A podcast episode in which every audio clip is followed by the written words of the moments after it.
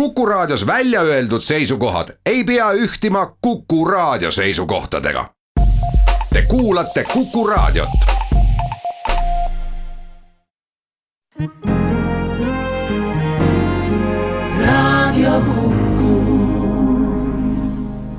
meil on hea meel tervitada nüüd meie Tartu stuudios Kristina Kallast, Eesti kakssada liikumise juhtfiguur, tervist tere!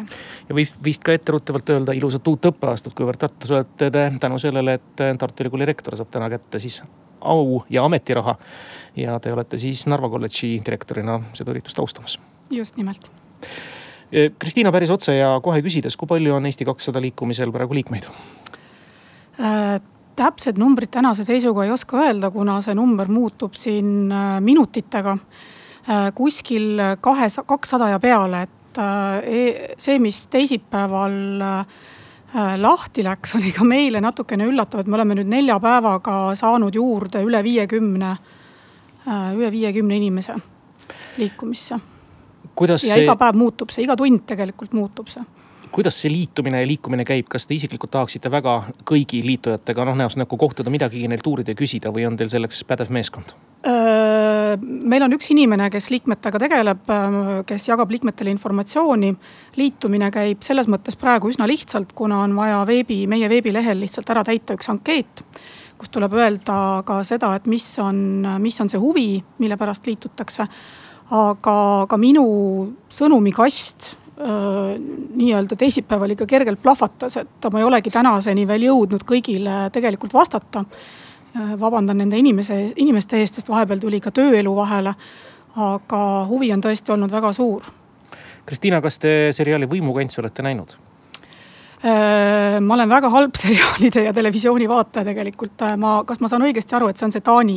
ja see on see Taani, Taani sari, kus. jah, ma endine..., ma kujutan ette enam-vähem, mis see on, jah, olen kuulnud. Brigitte Nüübori hakkas ka uut erakonda looma ja kui hakkas ka nimekiri täienema kõikidest säravatest inimestest, ühel hetkel tuli teha valik ja öelda siis uutele liikmetele, et vaadake, nüüd me kontsentreerume nendele asjadele, kellele see ei sobi, minge ära. kas tuleb ka Eesti kakssada liikumises seda võib-olla, et ette teha? Äh, no loomulikult tuleb, aga meie oleme ju väga selgelt ka sõnastanud ära selle, miks me olemas oleme ja mida me tuleme taotlema äh, poliitikasse, nii et äh, et ma loodan, et see sõnum on ka liikmetele või nendele, kes tahavad liikmeks saada, ikkagi arusaadav, vastasel juhul ju nad ei tunneks meie vastu huvi ja ei sooviks liituda. aga ma arvan, et tekib kindlasti ka selliseid momente, kus meil osade liikmetega ei pruugi alati kõik, kõik arvamused kattuda ja noh, see on ju igas erakonnas tegelikult olemas, et erakonnad on ju väga suured organisatsioonid. ja inimesed liituvad Äh, erinevatel põhjustel äh, meie jaoks on kõige tähtsam ikkagi see, et inimesed liituksid selle meie peamise põhjuse pärast. ehk siis sellepärast, et äh, nad tahavad, et Eesti poliitikas oleks rohkem pikka vaadet ja, ja vähem selliseid lühiajalisi emotsionaalseid valimislubadusi, nii et selle pika vaate ehitamine on, on veel käsil mingil määral ja, ja tegelikult me kutsume neid inimesi ka osalema selle, selle nii-öelda, nii-öelda valimisprogrammi koostamisel. et praegu on see moment ju veel täitsa olemas nii on, me sellest valimisprogrammist, teie kandvatest ideedest räägime pärast väikest reklaamipausi ja ma enne tahan lihtsalt remargi korras ära öelda, et Eesti kakssada on Hooandjas ka üleval, kogumaks siis heade annetajate toetusi edasiliikumiseks ja eesmärgiks olete seadnud nüüd juba kakskümmend tuhat eurot. see kolm ja pool minutit, mis me teiega rääkisime, täienes annetuskast veel viie euro võrra ja nüüd on see summa kolmteist tuhat kuussada seitsekümmend üks eurot.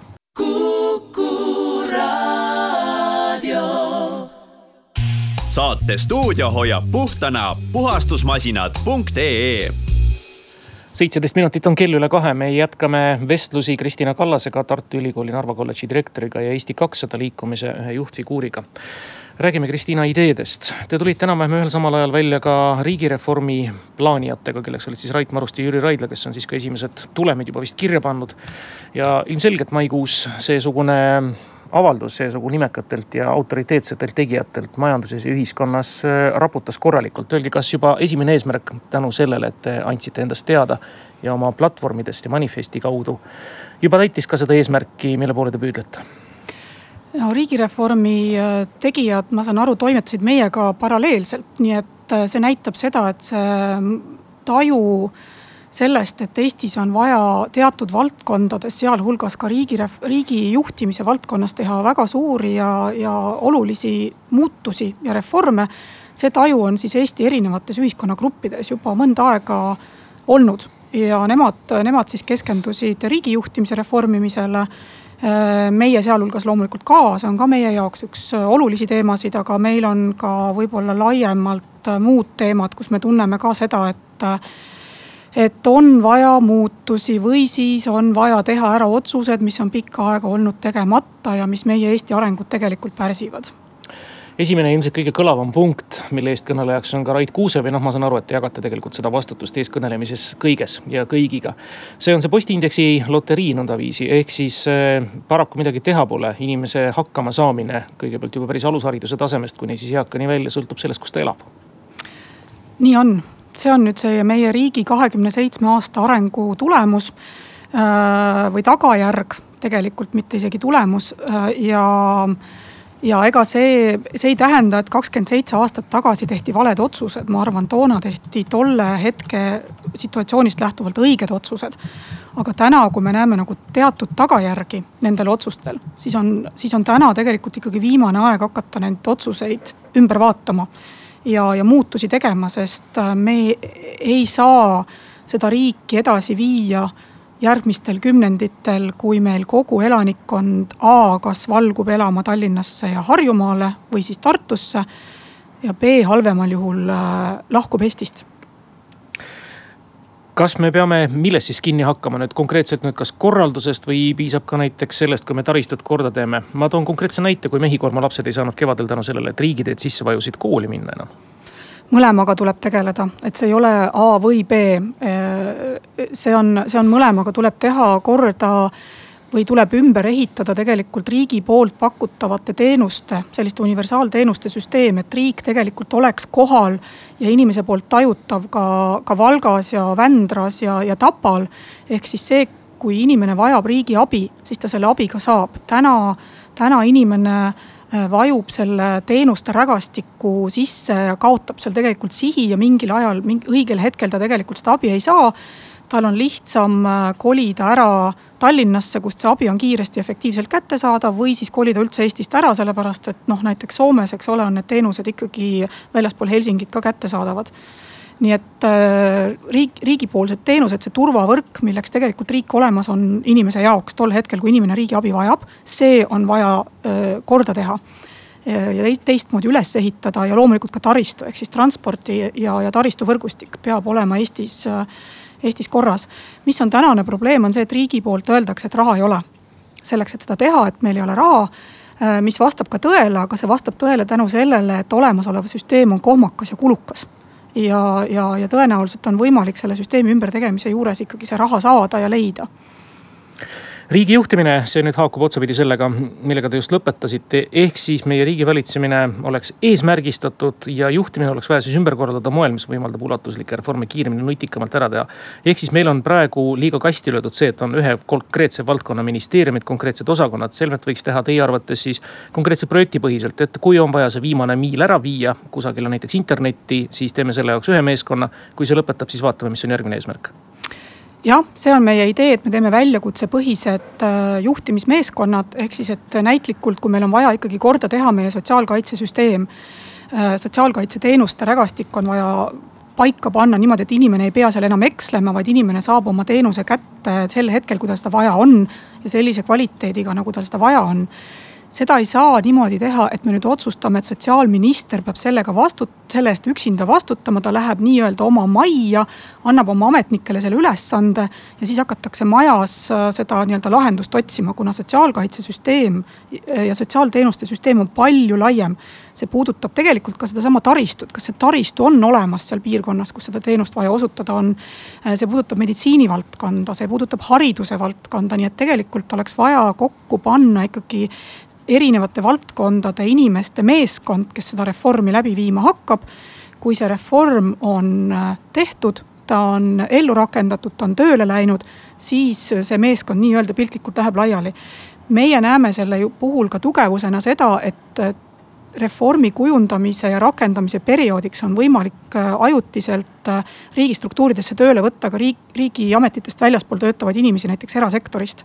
et see, see peab olema paindlikum inimeste liikumine erasektori ja avaliku sektori vahel. mitte, mitte lähtuvalt sellest, et inimene on nüüd kakskümmend aastat ühes ministeeriumis töötanud, ta on ühte valdkonda kakskümmend aastat kureerinud ja, ja panna talle nagu ülesanne see olemasolev süsteem, mille ta ehitanud on, tegelikult ümber teha äh,. ilmselt ei toimi no räägime ka majandusest, ilmselt on väga palju huvitavat tagasisidet saanud ka see plaan mm, kasvatada Eesti kui noh ühesõnaga Eesti kapitali kasvatada ka välismaal, kaasata selleks siis ka välismaist tööjõudu. noh, täna me teame, et see on ütlemata valuline teema, see võõrtööjõu kasutamine kõikvõimalikud kvoodid, muide, mis on takistanud ka Vene Õigeusu Kiriku metropoliidil siin töötamast, sest tööjõukvoodid said lihtsalt täis no tööjõukvoot on ikkagi mingi vahend mingi eesmärgi saavutamiseks ja, või, või siis mingi probleemi lahendamiseks, et äh, meie lähtume oma majandusambitsiooni ülesehitamisel sellest, et äh, milleks me tegelikult seda tööjõudu siia Eestisse vajame. kas me vajame selleks, et meie tänase majandussüsteemi, mille me oleme üles ehitanud üheksakümnendate nii-öelda olukorra põhjal. Ja mis tänaseks on teatud arengufaasi jõudnud, kus ta enam ikkagi väga rohkem välja ei pigista, see, see piltlikult öeldes on süsteem ju, eks ole, selline, et me kutsusime omal ajal välisinvesteeringuid ja välisettevõtteid Eestisse, öeldes, et tulge siia, andke meile tööd, me teeme teile tööd, me saame palka ja, ja see süsteem tähendas seda, et Eesti inimesed said sissetuleku endale ja, ja, ja see ja tänane süsteem on täpselt samasugune. mis meil täna tegelikult vaja on, on see, et meil enam Eesti inimesi ju väga palju ei ole keda, keda nii-öelda tööandjaks pakkuda või, või vabandust, töövõtjaks pakkuda. see töökäte hulk aina kahaneb ja ka välisinvestori jaoks selline majandusmudel Eesti puhul on vähe atraktiivne, sellepärast et meil ei ole inimesi ja need inimeste töökäed on tänaseks juba päris kallid kas me hakkame nüüd seda lahendama niimoodi, et toome siis neid kuskilt juurde selleks, et veel edaspidigi äh, sellele välisinvestorile äh, või välisettevõttele pakkuda siin tööjõudu. või me hakkame ümber mõtlema seda, et äkki meil majandusmudel on vaja ikkagi ümber ehitada niimoodi, et eestlastest endist saaks tegelikult selle majanduse omanikud ja nende ettevõtete omanikud. ehk siis eestlased mingil hetkel hakkavad ise tööd pakkuma, endale palka maksma ja kellelegi teisele ka tööd pakkuma ja see kellelegi teisele töö pakkumine ei tähenda, et seda tuleb teha Eestis. et on võimalik tegelikult äh, ka mujal globaalsele turule minna ja, ja pakkuda seal inimestele tööd, olles ise tegelikult selle ettevõtte omanik. ja, ja tuues see tulu ja, ja kasu Eestisse, mis siis toodab meil seda SKT-d kasvu Neid ideid saab jätkuvalt lugeda siis ka Eesti kakssada manifestis, kui lihtsalt sisse guugeldada Eesti kakssada, antakse kohe esimese otsinguna ette, me lihtsalt ei jõua praegu sellest rääkida. ma tahtsin küsida, te olete juba kindlasti ka oma nahal tunnetada saanud ja ma ei tea, kas te tahate vastata või kui te vastaksite seda juba räpaseid poliitvõtteid nendelt, kes juba poliitikas tegutsevad stiilis Tsahkna taak, te ei ole ennast maailmavaateliselt nii-öelda määratlenud, teist koorub välja mingisugune libasotside aur ja nii edasi. noh, ma arvan, et see on sihuke paratamatu osa, mis poliitikas käib, kuna tegemist on ikkagi võitlusega, võitlustandriga. mitte sellise akadeemilise viisaka diskussiooniplatvormiga. nii et sellega tuleb lihtsalt ilmselt leppida, küsimus on selles, kuidas me selles võitluses siis ise käitume. et kas me läheme selle poriga loopimisega kaasa, solvume, nähvame vastu või, või nii-öelda viisakalt naeratame, ütleme, et ma saan aru, et te olete kurjad ja, ja teil on hirm võib-olla millegipärast naha vahele pugenud, me, me oleme selle tekitanud. aga meil on poliitikasse minekul ikkagi oma selge eesmärk. Kristiina Kallas, kas te olete tõesti valmis loobuma ka oma tänasest ametikohast, Narva kolledži direktori ametikohast selleks, et pühenduda täielikult siis pika plaani elluviimisele? Äh, see on jah, minu jaoks isiklikult valus küsimus, sellepärast et äh, Narva kolledž on minu jaoks väga südamelähedaseks saanud ja võib-olla see poliitikasse tulek tuli mingil määral minu jaoks liiga vara ja ma ei osanud ka ette näha võib-olla seda suurt Äh, hoogu, mis sisse läheb kogu sellele asjale pärast seda, kui ma manifestile oma nime alla kirjutasin ja, ja nõustusin olema äh, selle manifesti eestkõnelejaks, et see oli minu jaoks natukene äh, etteaimamatu võib-olla, et noh, puhtalt sellest, et mul ei ole varem, varasemalt seda kogemust olnud, aga noh, nüüd, kui ma juba ikkagi lavale püsti olen tulnud, siis ega ma ei saa sealt lavalt lahkuda ja öelda, et ei, ma tegelikult ikkagi nii ei mõelnud saate stuudio hoiab puhtana puhastusmasinad.ee kolmkümmend kolm ja pool minutit on kell üle kahe, Kuku raadio saade on jätkumas. Vox Populi erisaade, kus meil on külas Kristina Kallas, Tartu Ülikooli Narva kolledži direktor ja liikumise Eesti kakssada üks eestvedajaid. nüüd on teretulnud heade kuulajate küsimused numbril kuus, kaks, üks, neli, kuus, neli, kuus ja esimene küsija on meil ka liinil, tervist. tervist. Eesti liikumine kakssada on tükk aega olnud üsna niisuguses peitepositsioonil ja väga raske on nende poliitilist niisugust kogu figuuri hoomata ja märgata ja taibata, aga viimasel ajal siiski on üht-teist äh, nii-öelda läbi tilkunud ja oleme me midagi teada saanud. sealhulgas võib teha niisuguse järelduse, et äh, liikumine ka Eesti kakssada suhtub suhteliselt positiivselt äh, sisserändesse, on väga homoabielude poolt ja ütleme siis majanduspoliitiliselt ka üsna lähedased seisukohad sotsiaaldemokraatidega. ja minu küsimus oleks nüüd selline, öelge palun, mille poolest teie erinete radikaalselt sotsiaaldemokraatidest, sest et see erinevus on oluline, kuna sotsiaaldemokraadid teatavasti ei ole kuigi populaarsed ei Eestis ega ka Euroopas, nii et tahaks väga teada, millisele, millistele lootustele te rajate Eh, oma erinevuse sotsiaaldemokraatidest. aitäh. palun, Kristiina ma alustaks sellest esimesest äh, punktist, mida härra ütles, et Eesti kakssada ei ole nagu pikka aega nähtaval olnud. ma selgitan seda nii-öelda suvevaikust äh, natukene sellega, et kui me maikuus oma manifesti esitasime siis meil oli lootus, võib-olla tänaseks me võime öelda, et mingil määral naiivne, võib-olla me ei suutnud seda ise käima lükata. et äh, läheb lahti debatt ikkagi sel teemal ja nendel teemadel, mida me manifestis sõnastasime. Läheb, läheb arutelu lahti ja me suudame poliitilised jõud panna sellesse diskussiooni, et äh, mis on ikkagi Eesti jaoks need äh, suured ja tähtsad probleemid, mida me peame ära lahendama, need olid meil seal sõnastatud. Kuna ikkagi suve jooksul me nägime, et seda debatti lahti ei lähe, erakonnad tulid välja oma äh, nii-öelda esialgsete valimislubadustega, mis järjekordselt keskendusid sellistele lühiajalistele äh, lahendustele, pakuti hakati raha pakkuma, räägiti sellistest maksusüsteemide kergetest äh, muudatustest siia-sinna, mis põhimõtteliselt ikkagi väga suurt, äh, suuri probleeme Eestis ei lahenda. ja siis me otsustasime ikkagi oma meeskonnaga, et äh, me oleme valmis, meil on olemas ideed, meil on olemas plaan, meil on olemas inimesed.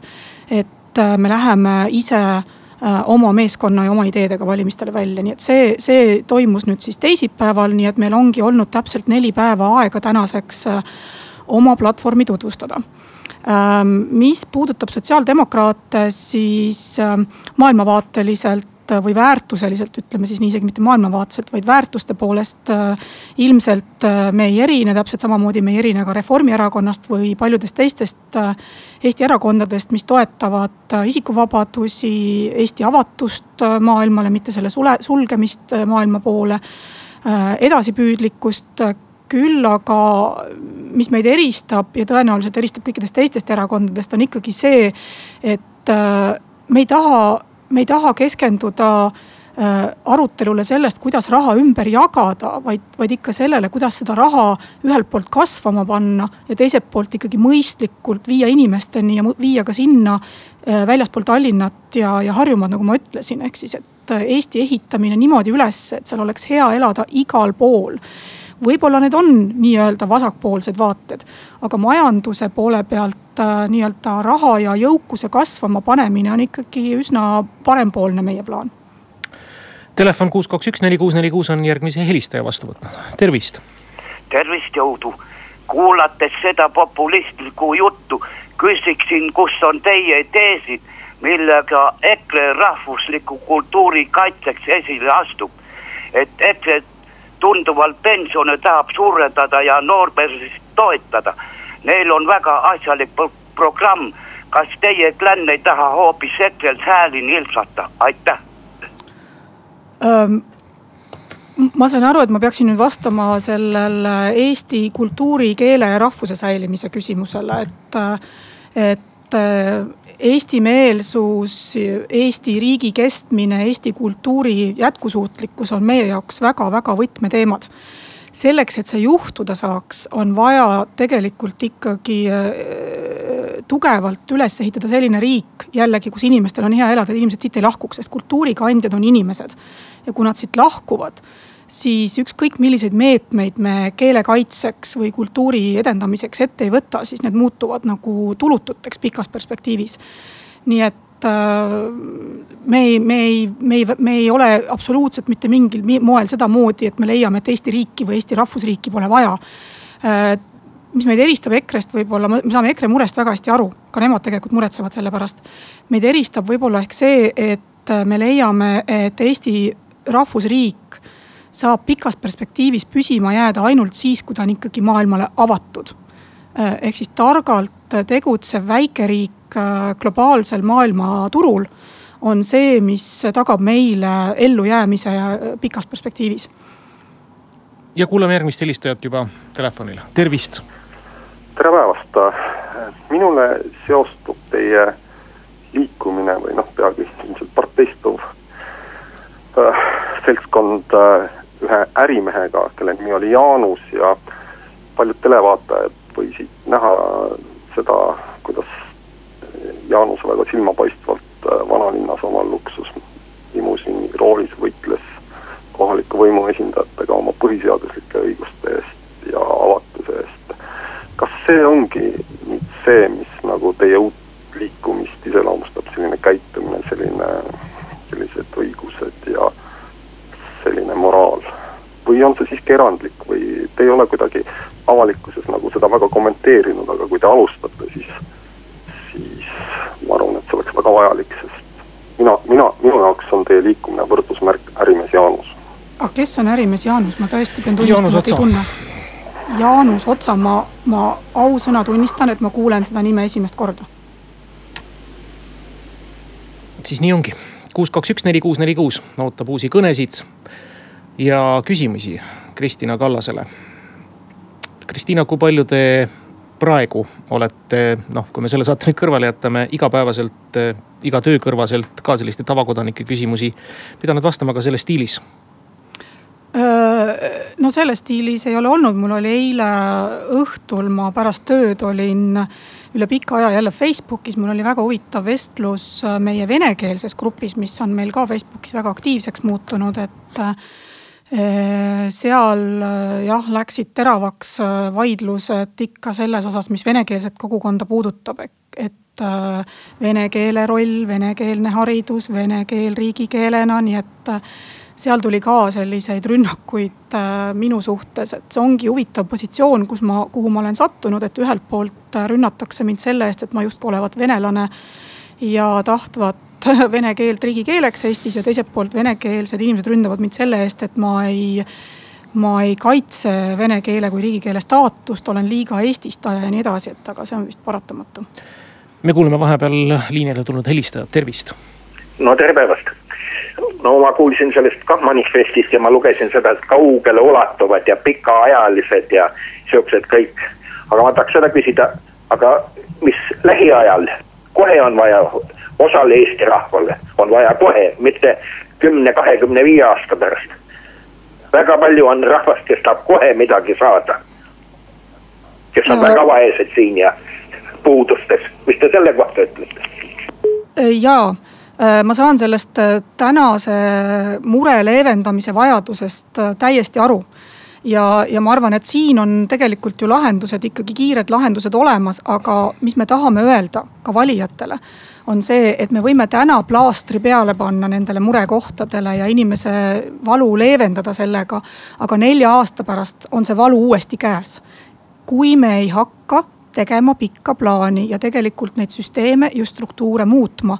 nii et see on ikkagi lappimine, äh, mitte riigi pika, pika perspektiiviga juhtimine nii et ma väga loodan, et uutel valimistel, mis ees seisavad, valija nõudlikkus äh, parteide suhtes kasvab just nimelt selle pära-, selle poole pealt, et äh, jah, te pakute praegu leevendust mulle mõnikord kusjuures väga populistlikku, mis ei pakugi leevendust, aga tundub, et emotsionaalselt on see hea tänase olukorra lahendamiseks, aga kas minu lapsed või lapselapsed ei seisa kahekümne ja kahekümne viie aasta pärast täpselt sama valuga teie ees?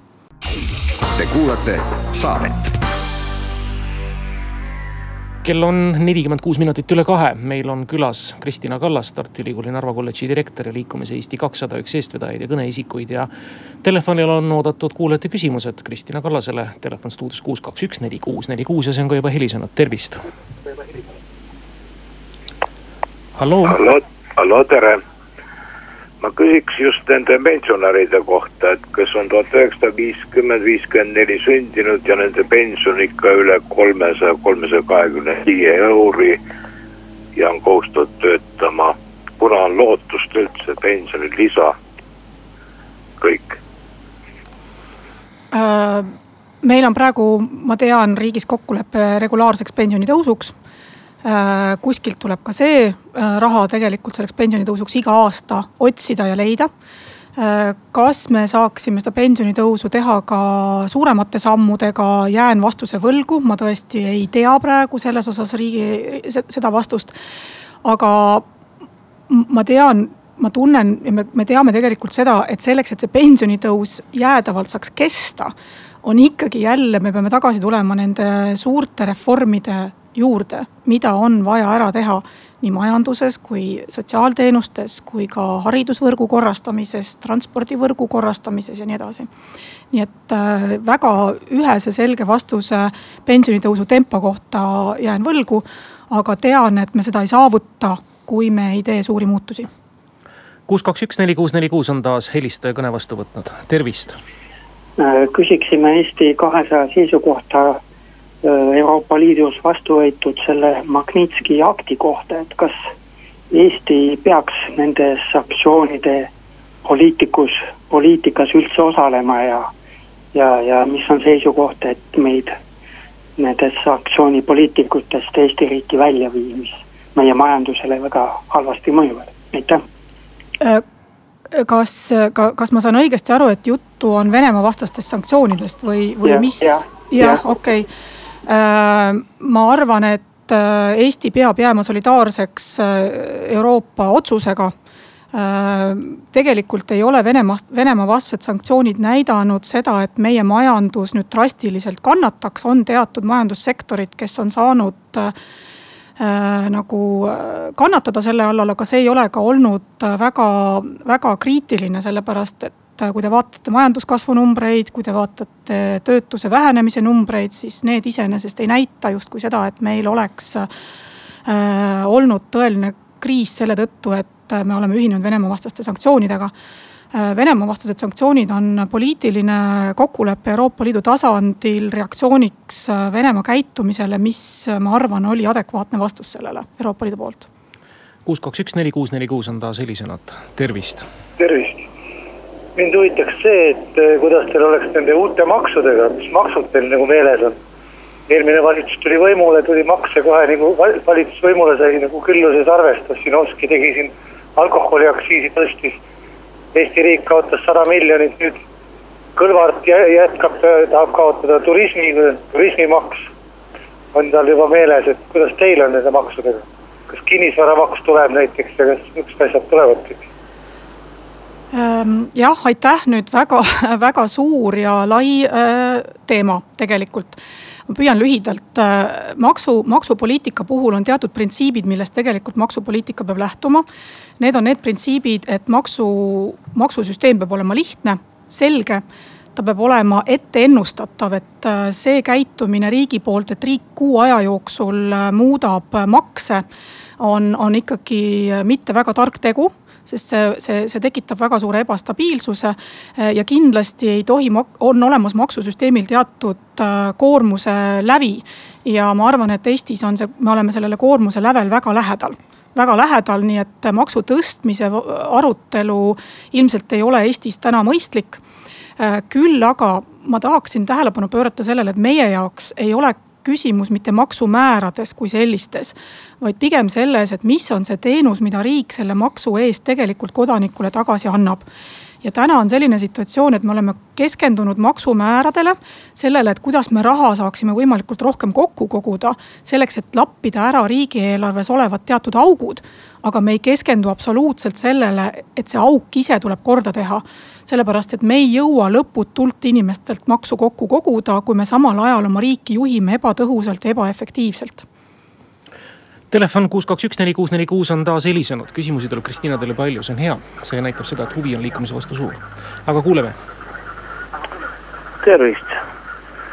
et kui üks liikumine parteiks üle läheb, siis ta peaks nendele küsimustele ka mõtlema, mis ei ole otseselt äh, liikumise programmis olnud, aga võivad kunagi küsimuse alla tulla, kui riigikogusse pääsevad.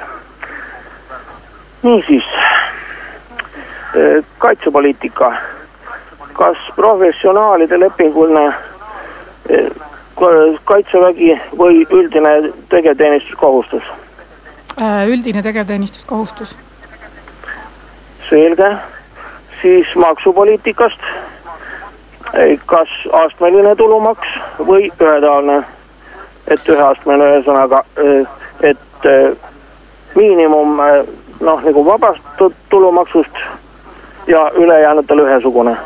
Ähm, teate, ma, ma siin eelmisele helistajale just vastasin, et see ei ole nii üks-üheselt ja lihtsalt vastatav küsimus, ehk siis tegelikult me peaks kokku leppima alguses selle, et mida inimene selle maksu eest saab, kui kvaliteetse on see teenus. äh, ja see elukeskkond, mille riik talle loob selle maksu eest, et kui te võrdlete näiteks Rootsi ja Soome inimesi, kes on nõus palju kõrgemat maksu maksma puhtalt selle tõttu, et ta tegelikult on kindel selles, et riik talle hea teenuse tagasi annab või ükskõik kui palju me seda maksu seal Rumeenias peaksime tõstma, siis inimene niikuinii hakkab sellest maksust eemale hoiduma, sellepärast et ta ei usalda riiki ja ta ei usalda seda, et ta selle maksu eest teenuse kätte saab, nii et enne kui vaielda maksumäärade üle äh, tuleks kokku leppida selles riigi teenuste kvaliteedis ja selles elukvaliteedis, mida riik tagab nende rahade eest ja siis inimesed saavad arutada ka selle üle, et kui palju nad on selle eest nõus maksma aitäh, helistaja. kuulame järgmisi küsijaid ka, kui neid tuleb numbrile kuus, kaks, üks, neli, kuus, neli, kuus veel mõned head loetud minutid. kuulamegi järgmist helistajat, tervist. tere, küsimus on seoses Eesti kakssada nimega, millest võib eeldada, et see lähtub manifestist äh, Tartu rahulepingust ja Eesti Vabariigi järjepidevuse kestmisest, mis printsiip on kahekümnenda augusti tuhat üheksasada üheksakümmend üks iseseisvuse taastamise deklaratsioonis. kas Eesti kakssada pooldab praegusel kujul äh, piirilepingut, mis õiguskantsleri sõnul ohustab Eesti Vabariigi järjepidevust, kui selles lepingus puudub lähtealusena Tartu rahulepingu deklareering. Et nii võib kakssada, Eesti kakssada nimi muutuda mõttetuks, aitäh. jah Äh, Eesti, Eesti riigi õiguslikust järjepidevusest ei ole keegi ju loobunud ja keegi ei kavatse ka sellest loobuda. Tartu rahulepingust täpselt samamoodi, nii et äh, ka Eesti kakssada leiab, et äh, Tartu rahuleping on Eesti õigus, õiguse järjepidevuse, Eesti riikluse järjepidevuse kestmise aluseks. Kuus, kaks, üks, neli, kuus, neli, kuus, järgmine küsija, tervist. tere päevast, mul oleks selline küsimus, et eh, kui inimene on hooldekodus eh,, hooldusõendus ja teda hoitakse seal teatud aja. aga kuhu ma ta siis panen, siis tehakse selline asi, et ühest hooldest viin teise hooldesse aga milleks seda vaja on, kas inimene ei või olla ühe koha peal nii kaua, kui ta seda vajab? Äh, jah, ma proua konkreetsele olukorral lahendust pakkuda täna ei saa, kuna see on väga spetsiifiline, küll aga ma näen, et siit küsimusest kumab läbi jällegi seesama seesama suur probleem, mis meil Eestis äh, sotsiaalkaitseteenustega on, ehk siis, et see teenuste rägastik on omaette nii puntras, et inimest solgutatakse ühe teenuse juurest teise teenuse juurde. inimene peab ise nendest teenustest aru saama, ta peab teadma, kelle poole ta millise teenuse saamiseks peab pöörduma.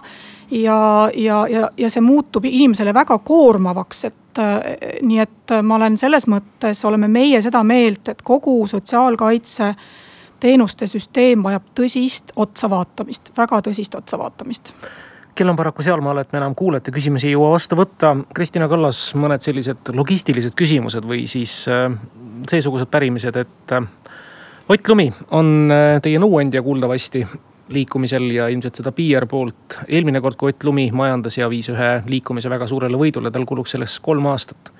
Teil on laias laastus kuus kuud või kui võtame manifesti avaldamise kuupäeva, on teil selleks jäänud kümme kuud. kas te jõuate?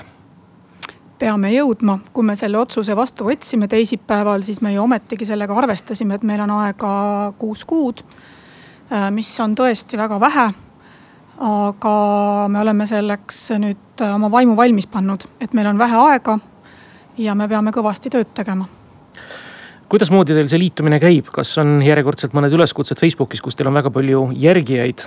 esimese korra peale on nüüd palju liikumise koosolekule liikmeid ei tulnud, aga, aga edaspidiseks, kuidas nii-öelda seda värbamiskampaaniat atraktiivsemaks muuta?